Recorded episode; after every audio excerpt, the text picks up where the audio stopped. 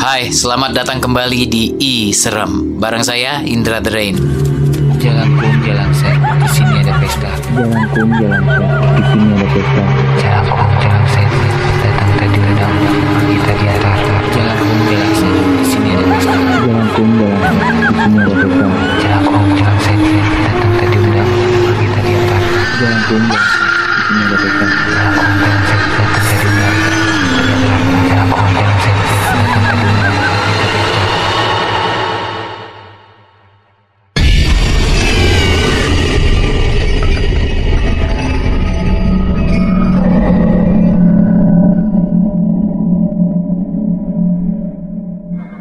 Hai, selamat datang kembali di I Serem bersama saya Indra The Rain. Sebelum memulai podcast hari ini, buat kamu yang punya pengalaman menyeramkan atau mistis atau apa pun yang berbau horor, boleh share kirimkan ke Instagram @iradio_jakarta. Podcast I Serem kali ini bercerita tentang sebuah pengalaman dari empat sekawan yaitu Sri, Santi, Ari, dan Trisna yang memasuki rumah berhantu anak kecil. Langsung saja kita dengarkan kisah horor berjudul Ma, Aku Kembali, karya Tati Haryati.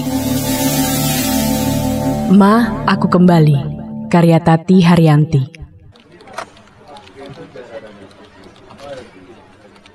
Aku punya bahan cerita untuk cerita misteri Musan, ucap Ari teman Santi. Santi yang sejak tadi sibuk merapikan kertas-kertas skripnya hanya menoleh melihat Ari. Menyomot keripik kentang yang ia letakkan tak jauh dari meja kerjanya.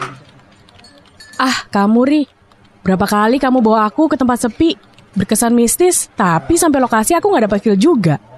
Gak dapat informasi dari penduduk sempat untuk hidupin karyaku. Tapi ini beda San, rumah ini terkenal berhantu dan rumor yang terdengar, siapa yang masuk ke rumah itu pasti nggak ada yang selamat. Tapi aku sih nggak percaya. Bisa jadi kan itu cuma buat nakut-nakutin orang agar tidak masuk ke sana. Santi terdiam, dia tak menjawab. Ya udah, kalau kamu siap, telepon aku ya. Ucap Ari sambil menenteng tas gendongnya keluar dari kamar Santi. Pagi itu, Santi ke rumah Trisna tunangannya. Di perjalanan, dia melihat sosok anak laki-laki pucat hanya bercelana pendek di sudut pintu rumah Trisna. Ia menghentikan motornya, mencoba mendekati, tapi ia hilang. Dengan mimik wajah kebingungan, dia pun menekan bel rumah kontrakan Trisna, sang jurnalis. Tris, kok tadi ada anak kecil di luar pintu? Masa?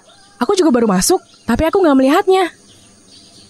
Santi menaruh motornya di garasi. Dek, lihat rumah-rumah ini di daerah dekat kantormu. Oh, ini juga yang diomongin Ari, Mas. Mau nggak antar aku ke sana? Boleh, boleh. Ucap Santi kegirangan. Nanti aku libur. Aku di rumah, nunggu kamu pulang ya. Oke, sayang. Ucap Trisna sambil menyentuh hidung tunangannya itu. Setelah itu, Ari pun mengirim pesan. San, jadi nggak ke rumah hantu itu? Oke, nanti bareng Trisna. Tunggu dia pulang kerja sekitar jam 5 sore. Sip, aku dan adik sepupuku ikut. Ya, begitulah percakapan mereka. Trisna pulang menjelang maghrib. Mereka membawa senter dan pencongkel pintu. Ari membawa kamera dan handycam. Di ujung jalan setelah pasar malam, rumah kosong peninggalan Jepang itu berada. Dari pagar, mereka merasakan hawa yang berbeda. Aura yang menakutkan. Santi yang bisa melihat dunia lain itu mundur selangkah. Dan dia mulai mual. Trisna mengoleskan minyak angin yang sudah disiapkannya. Ri, kali ini tempat yang tepat. Tapi aku nggak tahu penunggunya ramah atau tidak dengan kedatangan kita.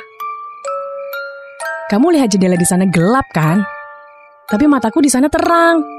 Mbak, pulang aja yuk. Ucap Sri sepupu Ari. Gimana San? Tanya Trisna. Oke, kita pulang. Besok siang kita datang lagi, mungkin kita bisa lebih aman. Sehabis Santi berucap itu, ada suara pintu yang seakan didorong paksa. Mereka pun terkejut bersamaan. Santi melihat sosok anak kecil itu sedang di pintu jendela. Trisna menarik tangan Santi untuk masuk ke mobil. Ari dan Sri sudah dari tadi masuk menunggu mereka. Setiba di rumah, Santi mulai menulis apa yang ia rasakan di luar rumah itu. Tadi ada banyak ide yang keluar dengan sendirinya. Hingga ia tak sabar untuk mengetahui isi rumah itu bagaimana. Setelah makan siang, mereka datang lagi dan kini benar-benar memasuki rumah. Suasana di sana biasa saja, namun setelah Santi mencoba naik ke kamar yang ia curigakan, kaki Ari, Sri, dan Trisna seolah terpaku. Tak bisa bergerak. Dan Santi memasuki kamar itu sendirian. Ia menggeser pintu ala buatan Jepang itu. Di sana ada tali berlumuran darah dan pecutan kuda yang patah. Santi semakin masuk. Dia melihat sebujur mayat anak kecil yang sekitar usia 1 sampai 2 tahunan. Tangan dan kakinya terikat dan mulutnya dimasukkan botol pecah. Santi menjerit dan lari.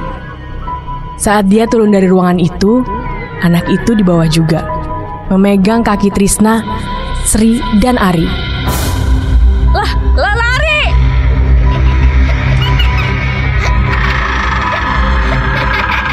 Lepas! Lepas, lepas!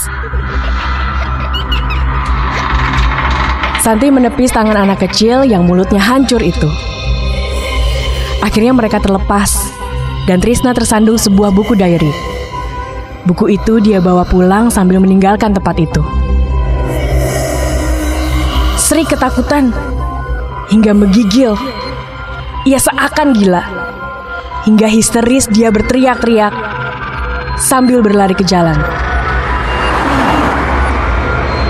Dan entah dari mana asal sebuah mobil menyeret tubuh Sri hingga beberapa meter. Lalu terlempar hingga kepalanya retak dan mati di tempat. Ari shock melihat mayat Sri menggelepar di jalan. Dia pingsan dan Santi pun lemas. Trisna mencoba tenangkan diri dan memanggil ambulans datang.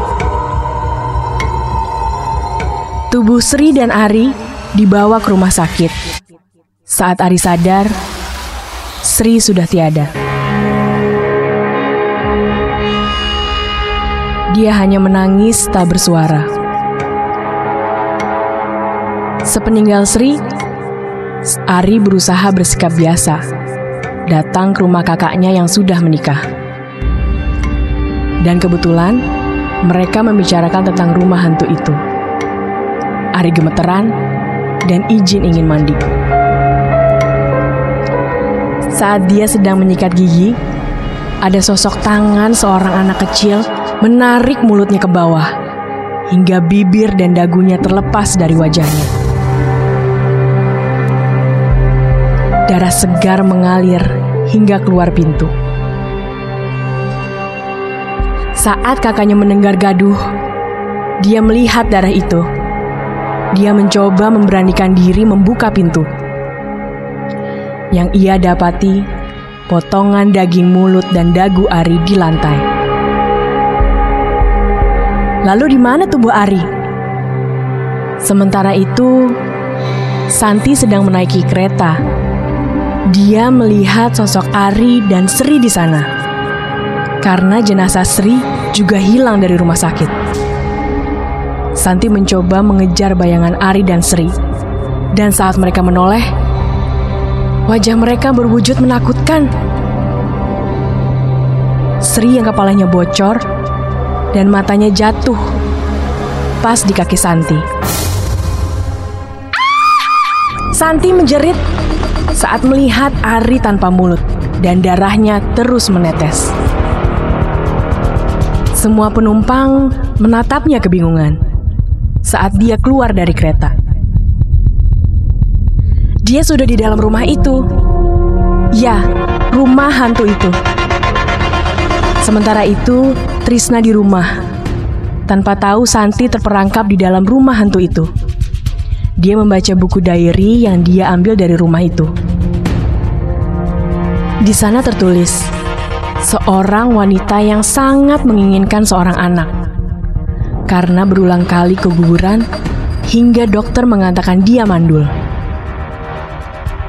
Wanita itu menulis juga. Dia menemukan sebungkus plastik hitam di belakang kebun tempat dia biasa merenung. Dia membuka plastik itu. Ada seorang bayi seperti prematur, kulitnya membiru. Tapi saat dia meraba tangan bayi itu, ada getar lemah. Dia bergegas membawa pulang bungkusan itu. Ia langsung ke rumah sakit.